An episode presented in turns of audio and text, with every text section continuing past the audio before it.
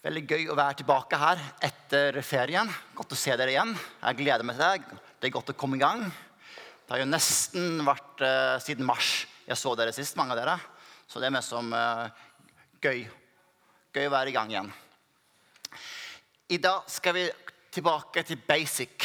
Hva er det helt fundamentale i vår tro? Så kalte evangeliets ABC. Hva er på en måte grunnsteinene i det vi tror på? Eh, og eh, nå har jeg faktisk klart å glemme Bibelen min. Så jeg, skal ta det her. Uh, men, men, Bibelen er veldig, ganske tjukk, og det er ganske mye å komme gjennom. Uh, og jeg tror verken Gud eller jeg eller vi forventer hvis jeg kunne allting der. Det er ganske mye. Men det er i hvert fall noe grunnleggende som er veldig viktig at vi er flytende i. Er det noen som er engelsklærere? Ja. I engelsk er det vanvittig mange ord. Jeg tror det er over 100 000 ord på engelsk. Eh, og når man skal lære engelsk, så begynner man ikke på å eh, finne frem en svære Oxford Dictionary med alle ordene og begynner på A og lære alle, eh, alle ordene på A der. Eh, for de fleste ordene der har du ikke bruk for veldig mye. Men du har en del basisord som vi lærer oss. og når vi kan dem, så er vi ganske flytende, så vi kan kommunisere. På samme måte er det med evangeliet så er det en del basissannheter som er vanvittig viktig at vi er flytende på. At vi kan, uh, I stedet for å kunne engelsk, så kan vi evangelisk. At vi på en måte eh, er tilbake. Og når vi vandrer som kristne, så vil vi oppleve veldig mye strømninger det ene veien og den andre veien. Og kan vi evangelisk, har vi en del basissannheter så vil det funke som et loddesnor. Når man skal bygge et hus, så vil du ha ting rett. Og for å kunne måle hva er lett, rett, så er det greit å ha et loddesnor. Og det har jeg selvfølgelig ikke med meg i dag, men en mikrofon kan gjøre jobben. Så denne vil eh, peke rett ned, være 90 grader. Og når du kommer litt i ubalanse, så finner det balansen sjøl. På samme måte vil grunnsannhetene hjelpe oss å kunne holde ting rett og bygge et solid kristent liv. Så ja, i, i, dag så håper jeg at dere blir mer flytende i evangelisk. Eh, nå er vi så uheldige at Ove ikke er her i dag. Pastoren vår er borte. Han er syk. sånn sett. Så hvis noen kommer bort til deg nå og sier at eh, 'Hvordan skal jeg bli frelst?' så kan du ikke ta snarveien og si 'Nei, jeg må ringe Ove'. Ringe venn. Men nå må du sjøl kunne litt. Hva er ABC? Hva er nøkkelen for å kunne lede folk til Gud? Og Det er viktig at vi har disse tingene litt i, eh, fremme på, på, hodet, i hjernen. Hva er essensen? Og derfor skal vi ta og gå gjennom litt av romerne og prøve å se hva er essensen av evangeliet. Romerbrevet det er egentlig, har skriver Paulus egentlig sin, sin måte, sammenfattelse, mest konsise eh, Hva er evangeliets ABC? Og prøve å forklare det her på en mest mulig ryddig og systematisk måte. Ganske mye eh, dyp også. Og Romerbrevet kunne vi egentlig ha brukt en helt semester på å studere. og gå i dybden. Men i dag skal vi ikke gå i dybden. Vi skal heller gå i bredden og prøve å få med oss eh, hele evangeliet. Så Derfor så blir dette litt overflatisk, men vi ønsker heller å få med oss alt. For jeg skammer meg ikke over evangeliet, for det er en Guds kraft til frelse for hver som tror, både jøde først og så for greker. For i det åpenbare Guds rettferdighet av tro til tro, som det står skrevet, den rettferdige av tro skal leve. I en avisartikkel så har du en ingress. Du har på en måte noe som er store skrifter før, før resten av artikkelen kommer. For å på en måte skape en smakevitt, få frem hovedpoengpunktet, og så kommer resten. Så her er på en måte ingressen til romerbrevet. Og så kommer, eh, forklarer han hva evangeliet For det er dette han ikke skammer seg over, det er dette han lever for, dette han brenner for, dette han løper for, for å forkynne. For at folk skal bli frelst, og folk skal komme få, få en relasjon til Gud. Og så dette vi skal se på. Hvordan bygger Paulus det opp?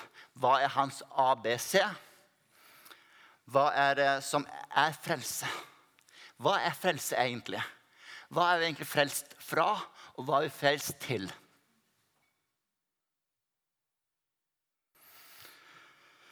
Meg bare be. Herre, bare kom her med din ånd. Bare kom og åpenbar evangeliet for oss. Mal det sjøl foran øynene våre. Helligånd, la oss se Jesus klarere. Virke våre hjerter. Tal til oss. Bygge fundament. Overbevis oss i dypet av våre hjerter. Gjør et verk. Og hjelp meg, Herre. Jeg trenger desperat deg for å kunne formidle. Og la meg være redskap i din hånd. Åpne våre hjerter. Amen. Så hva er A for Paulus? Jo, han bruker faktisk tre, nesten tre kapitler på A. Og det er litt overraskende hvor mye plass han egentlig bruker på A. Og det er faktisk Han begynner å snakke om Guds vrede. Vi begynner, vi begynner, gjerne å snakke om evangeliet, så begynner vi med Gud, Guds kjærlighet og Gud som eh, bortkomne sønn. Men han bruker nesten tre kapittel, 76 vers, bruker han på vrede og synd. For Guds vrede åpenbares fra himmelen over all ugudelighet og urettferdighet hos mennesker som holder sannheten nede i urett. Så går han gjennom eh, synderegister på synderegister. Jeg blir nesten litt deppa av å lese første kapittel der og viser at egentlig alle er under syndens makt. Vi er alle skyldige. Både de som har loven, jødene som visste hva Guds lov sa, de klarte ikke å leve opp til den.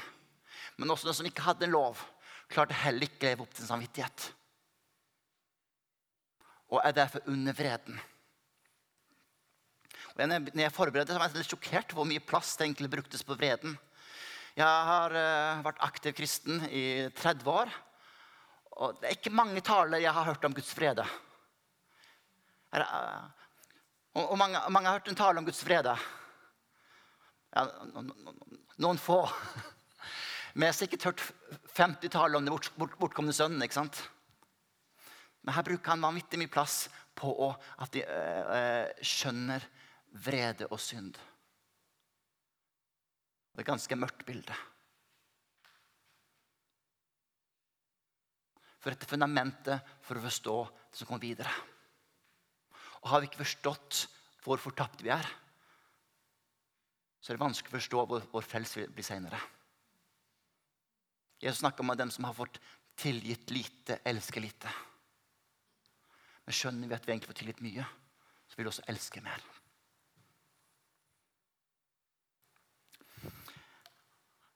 Og han har mange eksempler. Men et eksempel på synd synes jeg er eh, Jeg vil trekke fram én ting. Han sier at uh, Dette er midt i kapittel to. Han bruker én, to og tre store av tre på, på, det her. Men midt i to så snakker han om du som dømmer. Derfor er du uten unnskyldning, du menneske, hvem du så er som dømmer. Fordi i det at du dømmer en annen, fordømmer du deg selv. Du som dømmer, gjør jo det samme sjøl. Jeg, jeg har sett eksempler men når vi peker på noen, så peker vi tre fingre tilbake på sjøl. Og akkurat at det at vi mennesker dømmer, det tror jeg er noe som ligger i vår natur. For når vi dømmer andre, så føler vi oss sjøl oss litt bedre. I disse koronatider så merker jeg at eh, det er veldig lett å dømme disse dumme folkene som eh, ikke følger reglene og bryter karantene. og kunne lese, på fly, lese i avisen om noen som hadde blitt smitta og visste de var smitta, men allikevel gikk rett på fly og reiste til Dubai. Og det er så lett å være fy, fy, fy, fy. Og med at vi sier fy, fy, fy, og kollektivt sier fy, fy, fy, så bekrefter det egentlig at vi har en standard. Vi mener at noe er rett og galt. Men hånda på hjertet Hvor mange av oss klarer egentlig å holde énmetersregelen? Allikevel så løfter vi opp en standard, vi, og vi mener vi skal følge, men vi klarer ikke å følge det sjøl. Og det at vi dømmer, bekrefter at det finnes en standard. Og vi klarer egentlig ikke å leve opp til vår egen standard. Mye mindre til å leve opp til Guds standard. Se Nikolai som er fem. Han har lært seg et uttrykk som han roper ut. Det er urettferdig! Og det er gjerne ikke når han gjør noe galt, han, eh, men det er når han føler han ikke har fått sine ting. Og den rettfølelsen den sitter dypt i oss. Fordi at det fins noe som er rett og galt. Men som sagt så klarer vi ikke leve opp til vår egen standard. Og vi som dømmer, som vi egentlig alle gjør, vi dømmer oss sjøl også. For vi gjør til syvende og sist på andre måter mye av det samme. Når vi kan dømme andre, så hever vi oss sjøl opp.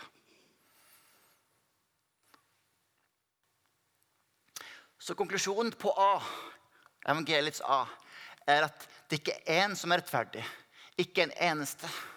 Det er ikke én som er forstandig. Det er ikke én som søker Gud. Alle er veket av. Alle sammen blitt udugelige. Det er ikke noen som gjør det gode.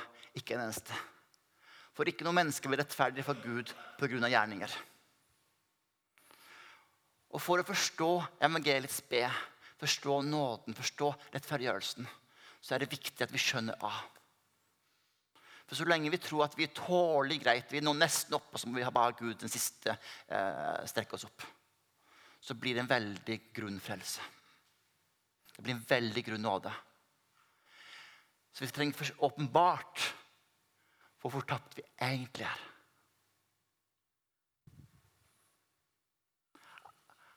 at en adskillelse fra Gud Vi er egentlig i fiendskap fra Gud. Vi er egentlig under Guds frede. Vi er egentlig under Guds dom. Det fører til død. Og Det er lett å snakke om menneskeheten. At menneskeheten i Adam synda, og det er mest bort fra Gud. Men det er jeg. Uten Jesus så er jeg atskilt fra Gud. Uten Jesus så er jeg fortapt. Uten Jesus så er jeg under Guds dom. Syndens lønn er døden. Og det er der jeg er. Og Det er så lett å hoppe bukk over dette her. Vi ønsker gjerne å være rett på B. Rett på nåden, kjærligheten, rettferdiggjørelsen. Men det er så viktig at vi skjønner det her at den annen ligger som et fundament. Når vi bygger et hus, så har vi grunnmur. Og den vises ikke. Men den er viktig der. For ellers så blir huset veldig ustabilt. Så dette er på en måte annen grunnmuren. Men det stopper ikke der. Men det er viktig at en har det i bunnen. Altfor mange kristne blir frelst uten å skjønne A. Da blir det en grunnfrelse.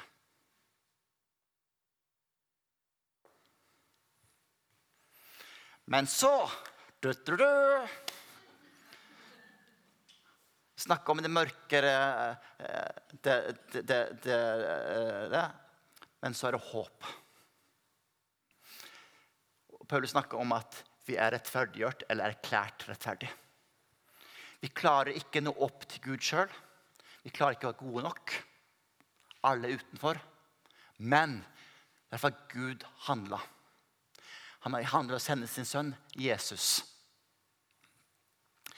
Dette er Guds rettferdighet som gis ved troen på Jesus Kristus til alle som tror. Her er ingen forskjell. For alle har syndet og mangler Guds herlighet. Så det spiller ikke en stor rolle om det føles som en stor synder eller en kjempe som synder. Vi mangler Guds rettferdighet uansett. Det er som litt vann. Hvis du har litt drikkevann, hvis du heller, heller litt kloakk oppi eller mye kloakk, så spiller det ikke, spiller ikke noen rolle. Det er ødelagt. På samme måte har vi gjort mye lite så, så er relasjonen brutt. Alle har syndet, og vi mangler Guds herlighet. Men ufortjent og av Hans nåde ble de kjent rettferdige. Frikjøpt i Kristus Jesus. I Han har Gud stilt synlig fram at han ved sitt blod skulle være soningsstedet for dem som tror. Og dette er vanvittig tettpakka teologi og masse ting her. Så vi skal bare på en måte få brutt opp litt her og gå gjennom disse tingene som er utheva. Om at det gis, at vi blir kjent rettferdig, at vi er frikjøpt, og ved sitt blod skulle være soningsstedet. Hva disse tingene betyr. Gis ved troen. Vi mennesker vi prøver å gjøre og strekke oss opp til Gud. Studerer, reiser rundt i verden, studerer ulike kulturer, studerer historie. Og ser du mennesker er kjempereligiøse. Det er egentlig bare siste årene eh, folk ønsker å være ateister eller være eh, Vende seg bort fra religion. Men rundt omkring er folk religiøse. Og selv ateister kan være ganske religiøse også. de. Eh, og, og, religion handler veldig mye om at du ønsker å strekke deg, du ønsker å være god nok, du skal ønske å gjøre ting. Tilfredsstille Gud der oppe. Med offer, med diverse ting, askese du skal gjøre og gjøre og gjøre. Men evangeliet handler om at du kan ikke gjøre. Du, kan, du når aldri opp. Det er altfor langt. Selv om jeg står på scenen eller her eller på en stol eller på en gardintrapp, så når jeg aldri opp til himmelen. Du kan hoppe så mye du vil, du kommer aldri opp. Noen er litt høyere enn andre, men i forhold til himmelen så er vi langt under uansett. Så det handler ikke om alt vi skal gjøre, men det handler om hva Jesus har gjort. At Gud kom ned i skikkelse som Jesus og ble menneske. Og han gjorde det vi ikke kunne gjøre. Og derfor er det noe som gis ved troen.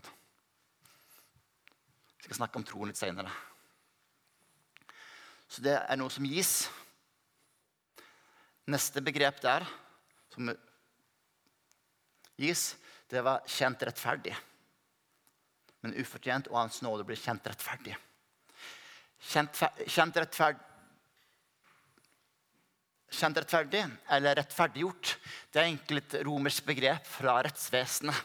Der en dommer egentlig utser dommen.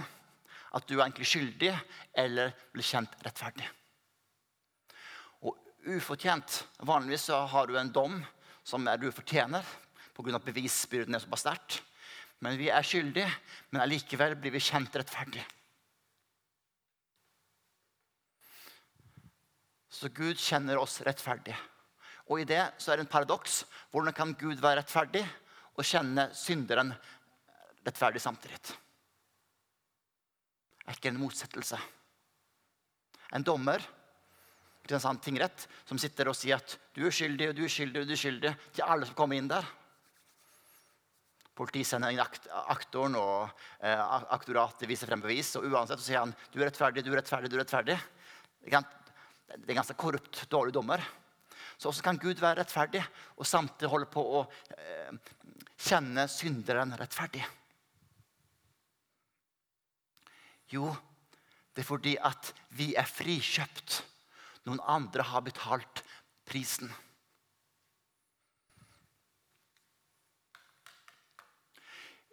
I den romerske kulturen så kunne en rik borger vise seg nåde og gjøre en god gjerning.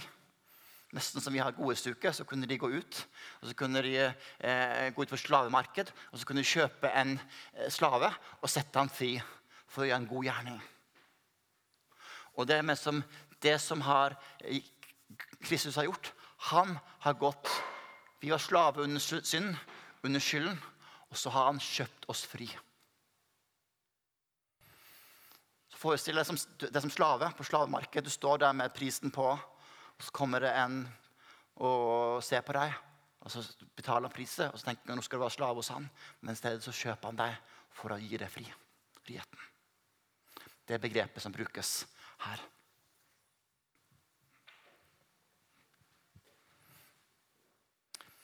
Så da har vi sett gis. Vi er kjent rettferdig. Vi er kjøpt fri. Og han har, gitt, han har Gud stilt synlig fram for at han ved sitt blod skulle være soningsstedet for en som tror. Da hopper vi dit. Soningsstedet er et bilde tilbake til Gamletestamentet. Der presten måtte gå inn i Først var det teltet, men så i tempelet, med blod fra geiter og lam som var slakta. Som skulle være et bilde på offeret for synden. Så for at synden til folket og til presten skulle bli sonet, så måtte de slakte et dyr på utsida. Så måtte de ta blodet inn, og så tok de og sprinkla blodet. For et offer for å betale for det som har skjedd. Så Gud har erklært oss rettferdig, og han har kjøpt oss fri. Og han har kjøpt oss fri ved Jesu blod. Og det er interessant at Gud lot jødene gå gjennom disse ritualene ikke bare 10 år, 20 år, men 1300 år med ritual og blod og dyreoffer for å vise at synd må sones. Og Når vi leser hebreerne, så ser vi at alt det gamle var bare bilde på det som skulle komme. Det er bare et eh, eh, fysisk bilde på det Jesus gjorde i himmelske. At han har betalt skylda. Det er hans blod som var der. Så Derfor så kan Gud både være rettferdig og nådig. Men, vi i vår tid, men i vår tid vil han vise sin rettferdighet. Både at han selv er rettferdig, så Gud er fortsatt rettferdig, og at han kjenner rettferdige som tror på Jesus.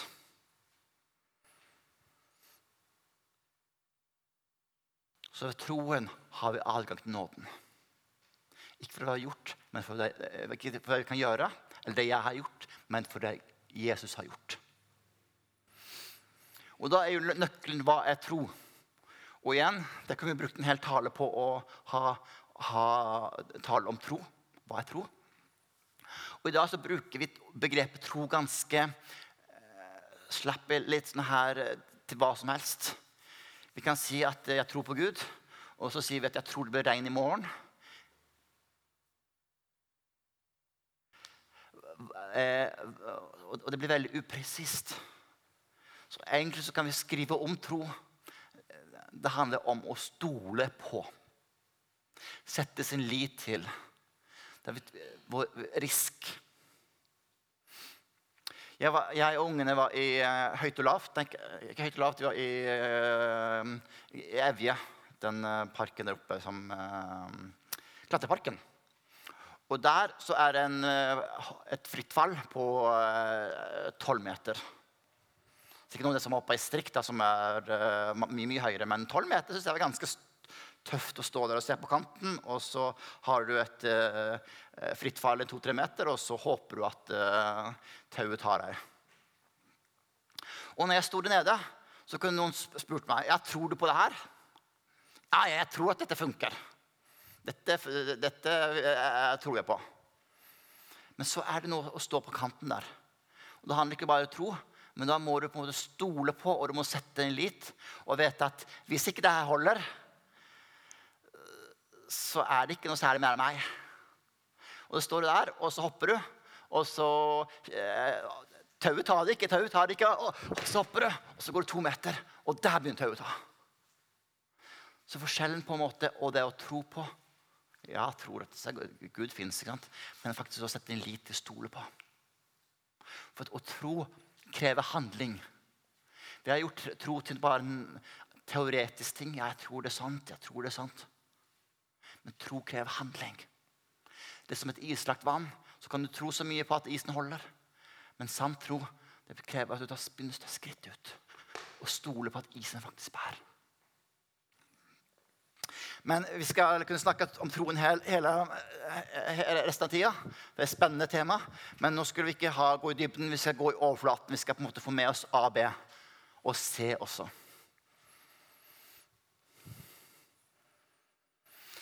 Se, det er faktisk helliggjørelse. Jeg er synder, synd, synder, og jeg ble frelst. Men den frelsen får også konsekvens for livet mitt. Vi snakker om at det handler om eh, ikke hva jeg kan gjøre. Det handler om hva Jesus har gjort. Men så har jeg plutselig en gjøre her allikevel. Begynner vi med nåden og fullfører med gjerninger? Vel, forskjellen er ordet 'er'. Jeg har fått en ny identitet. Jesus har gjort. Han har sonet alt er fullbrakt. Og det har brakt meg en ny identitet. Og ut fra den identiteten, hvem jeg er, så jeg blir kalt til liv å gjøre. Den, den der ordet 'er', er to små bokstavene der, er det som gjør hele forskjellen. Fra å begynne i nåden og fullføre gjerninger. For jeg er en ny person Kristus. Store gullspørsmålet, lurespørsmålet. Hvem er jeg i Kristus? Hvem, hva er min fundamentale identitet? Den mest grunnleggende identitet jeg er i Kristus. Ikke svar, for da kan jeg bare um, Ofte tenker vi at ja, jeg er fri, jeg er uh, ny skapning, allting. Men det som kommer før der, det er faktisk at jeg er død.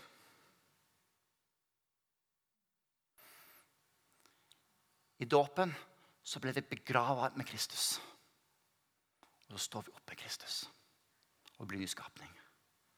Men døden først, og så livet. Og for at ikke jeg bare skal, jeg skal bare tro, tro, tro på hva jeg sier, så, så, så, kan vi se hva Paulus sier. Han, han bruker ganske mange vers og uh, ganske mye snakk om død og begravelse. Du skal lese det her. Og alt det svarte her er på en måte handler om faktisk det samme, at du er død. Din, din primære identitet er 'dead man walking'. Du er, du, du er, på en måte på dødscellen på vei til dødsstraffen. Det er din primære identitet. Eller vet dere ikke at alle som ble døpt til Kristus Jesus, ble døpt til hans død? Vi ble begravet med han. Da ble du døpt med den dåpen til døden. Og som Kristus ble reist opp fra de døde ved sin fars herlighet, skal vi også vandre i et nytt liv. Halleluja, nytt liv. Men først død, også nytt liv. Har vi vokst sammen med Kristus i en død som er lik hans, skal vi være ett med han i en oppstandelse som er lik hans. Vi vet at vårt gamle menneske ble korsfestet med han for at den kroppen som er underlagt synden, skulle tilintetgjørelse gjøres, og vi ikke lenger skulle være slave under synden. For den som er død, er befridd fra synden. Jeg har mye død, eh, død begravelse og forfølgelse. Men det er min primære identitet. Det er grunnlaget. Jeg har dåp, da, så så må vi huske på at det, er en begravelse. Så får vi ikke glemme at det også er en oppstandelse. Når Jesus døde på korset, så tok han min skyld. Alt det gale jeg har gjort, og alt det gale jeg kommer til å gjøre. Men han døde også for min synd for at syndens makt i mitt liv skal bli brutt. Og den blir brutt ikke ved at jeg tar meg sammen og gjør bedre ting. Jesus ønsker ikke å forbedre meg eller for deg, men han ønsker å korsfeste deg. Han ønsker at selvet og du sjøl må dø. For han har noe mye bedre i vente. Du er en ny skapning. Men en ny skapning spirer opp at det gamle dør.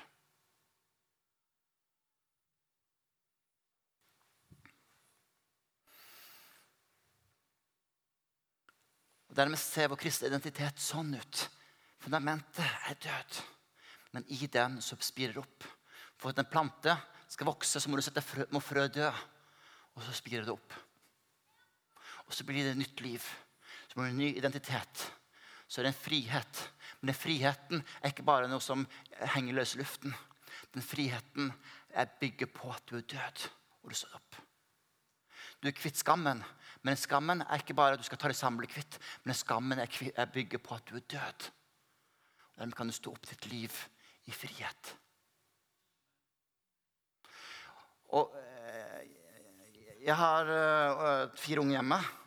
Og de vil gjerne ha, ha, ha godteri og is og dessert før middagen. Og vi vil gjerne ha nytt liv, vi vil ha frukten, vi vil fokusere på det. Og så vil vi gjerne hoppe bukk over døden. Døden er ikke gøy.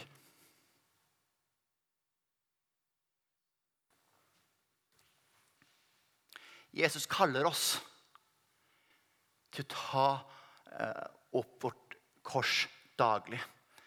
Jesus er både frelser, men han er også herre. Om noen vil følge etter meg, må han fornekte det selv og hver dag ta sitt kors opp og følge meg. Jeg er korsfestet med Kristus. Jeg lever ikke lenger selv, men Kristus lever i meg. Vi tok imot Jesus en gang som frelser. Vi er frelst, og vi, vi er, eh, vi, vi, vi, vi er rene og rettferdige. Vi må daglig ta han opp som Herre selve stritter mot, mot. Jeg vil, jeg vil, jeg vil. Men uten døden så ble evangeliet et selvsentrert evangeliet i stedet for et korssentrert evangelium.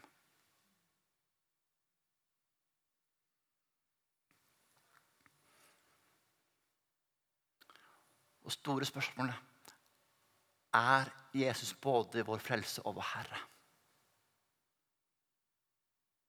Og Det gjør Jesus som herre i livet vårt. Det er ikke noe du gjør sånn. Det er en prosess, og du dør daglig til sjøl. Men så tar du også del av det nye liv daglig. Og så kommer fruktene også daglig.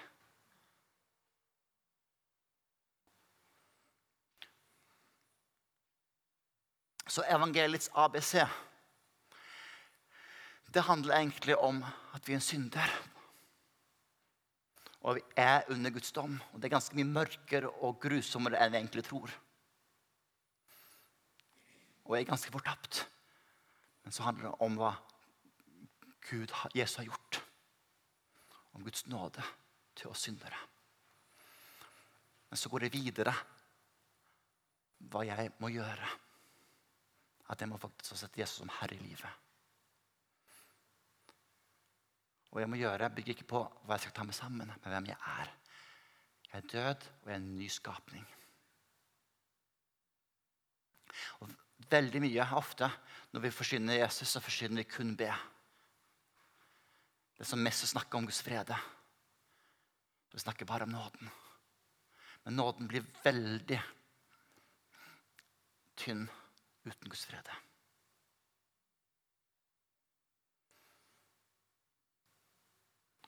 Det blir, bare, det blir ikke engang et halvt evangelium, det blir et tredjedels evangelium. Og ofte er det så lett å stoppe med eh, be. Jeg vil så gjerne at folk skal bli frelst. Kom og bli frelst. Når vi leser evangeliene Jesus, Paulus, Peter Så drev de nesten aldri Eller drev de ikke med frelsesinnbydelse. De, de holdt på med innbydelse til etterfølgelse. Første tale i pinsedagen som spør folk hvordan skal jeg bli frelst. Og så sier Peter, 'Vend om og la deg døpe'. Av og til så lar vi frelsen til bare en billett til himmelen. Hvis vi går på marken, så, du, så står det folk og deler ut kuponger. For denne kupongen kan du gå på restaurant så får du litt billigere. Du en, kan få dette her. Hvis dere deler ut billetter til himmelen Men vi kaller folk til et liv i etterfølgelse. Til en ABC. At Jesus både er vår frelser og vår Herre. Det er det hele evangeliet. Og som sagt, Jesus som Herre, vi, vi kommer til å slite med synd, syndens makt brutt. Men samtidig så kommer vi til å slite med det hele livet her. Det er en prosess. Vi jobber med det. Desto lenger jeg har vært kristen, desto lengre ser jeg min tilkortekommenhet og min syndighet. Men vi er på vei.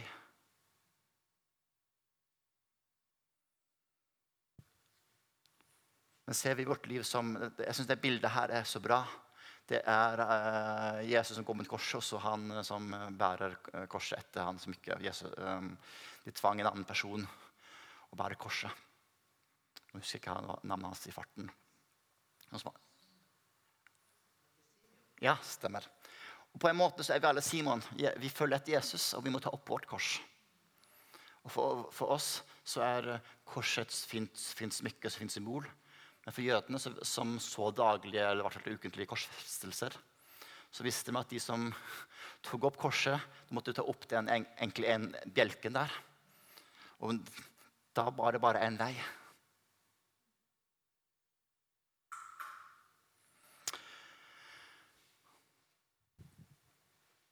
Så er det en oppstandelse.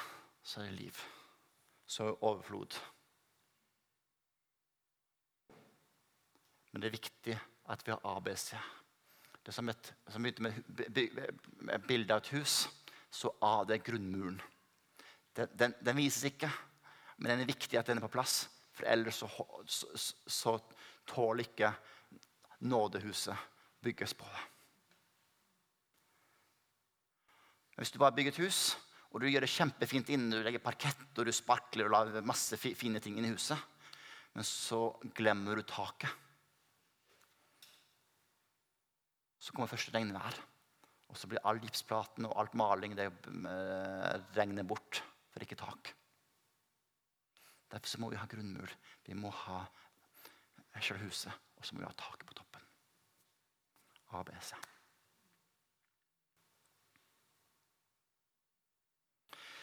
Eh, vurderte om vi skulle avslutte, vi skal avslutte nå. Jeg tenkte vi skulle ta en, I Med stedet for en typisk sånn fortellelsesinnbydelse så tenkte jeg at eh, Vi har noen forberedt i dag. i dag eller hvordan, ja. ja. Vi har snakka litt om at vi, det kan være folk ønsker å, å, snakke med noen og kanskje ha forbedre. Og da tenkte vi at vi kan eh, ta kontakt med dem mm. etterpå. Mm. Ehm, for, ja, for Pga. korona så skal vi ikke ha sånn felles her. Men kan ikke dere reise der, dere som er forbedrere? Dere to, det er Wenche og Marit. Wenche og Marit.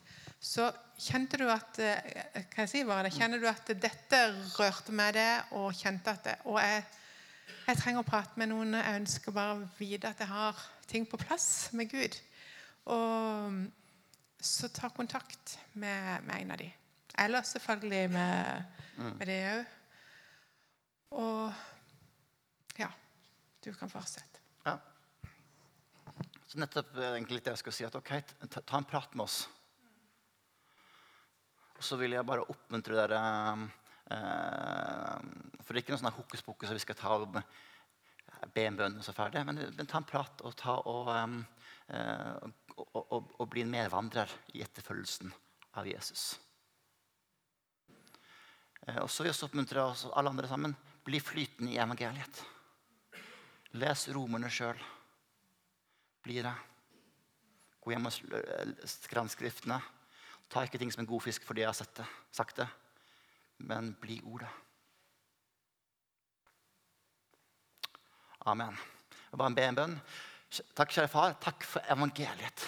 Takk for det kraften til frelse. Takk for at du har dødd for vår skyld, og du har dødd for vår synd. Vi kan være ren og rettferdig for deg. Og hjelp oss å etterfølge deg. Hjelp oss å ta opp vårt kors daglig. Og takk for det fantastiske oppstandslivet vi kan få del i her. Siden vi er døde med deg, så har vi også en frihet i deg. Amen.